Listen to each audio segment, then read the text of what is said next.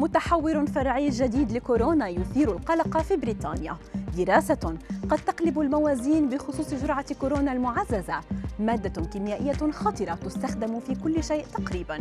أبرز أخبار الساعات الأربع والعشرين الماضية في دقيقتين على العربية بودكاست بعد أن أكدت دراسة سابقة أن خلط اللقاحات غير محبذ وله آثار جانبية إلا أن إدارة الغذاء والدواء الأمريكية قد توصي بذلك.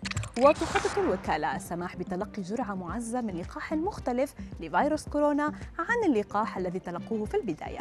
فقد وجدت دراسة من المعاهد الوطنية للصحة أن متلقي جرعة واحدة من جونسون أند جونسون والذين تلقوا جرعة معززة من لقاح موديرنا. شهدوا ارتفاع مستويات الأجسام المضادة لديهم 76 ضعفاً في 15 يوم.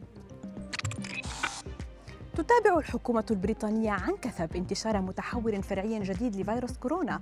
لم يتبين حتى الآن إذا كان معديا بشكل أكبر حيث يتم متابعة المتحول الجديد AY4.2 المتفرع من دلتا عن كثب.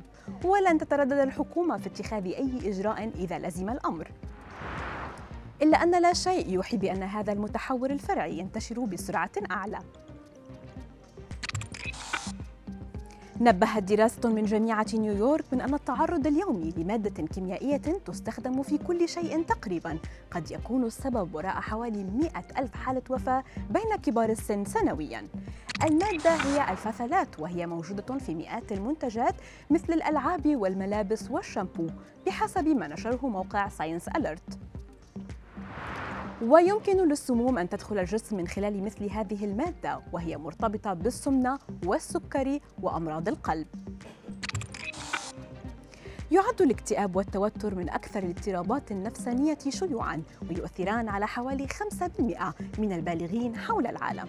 ويمكن أن تساعد التمارين المنتظمة في تخفيف أعراض الاكتئاب.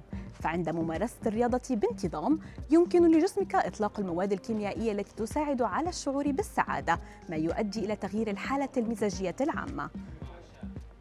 فقد ثبت أن التمارين الرياضية مثل الركض والسباحة وركوب الدراجات والمشي والبستنة والقفز والرقص تقلل من القلق والتوتر والاكتئاب.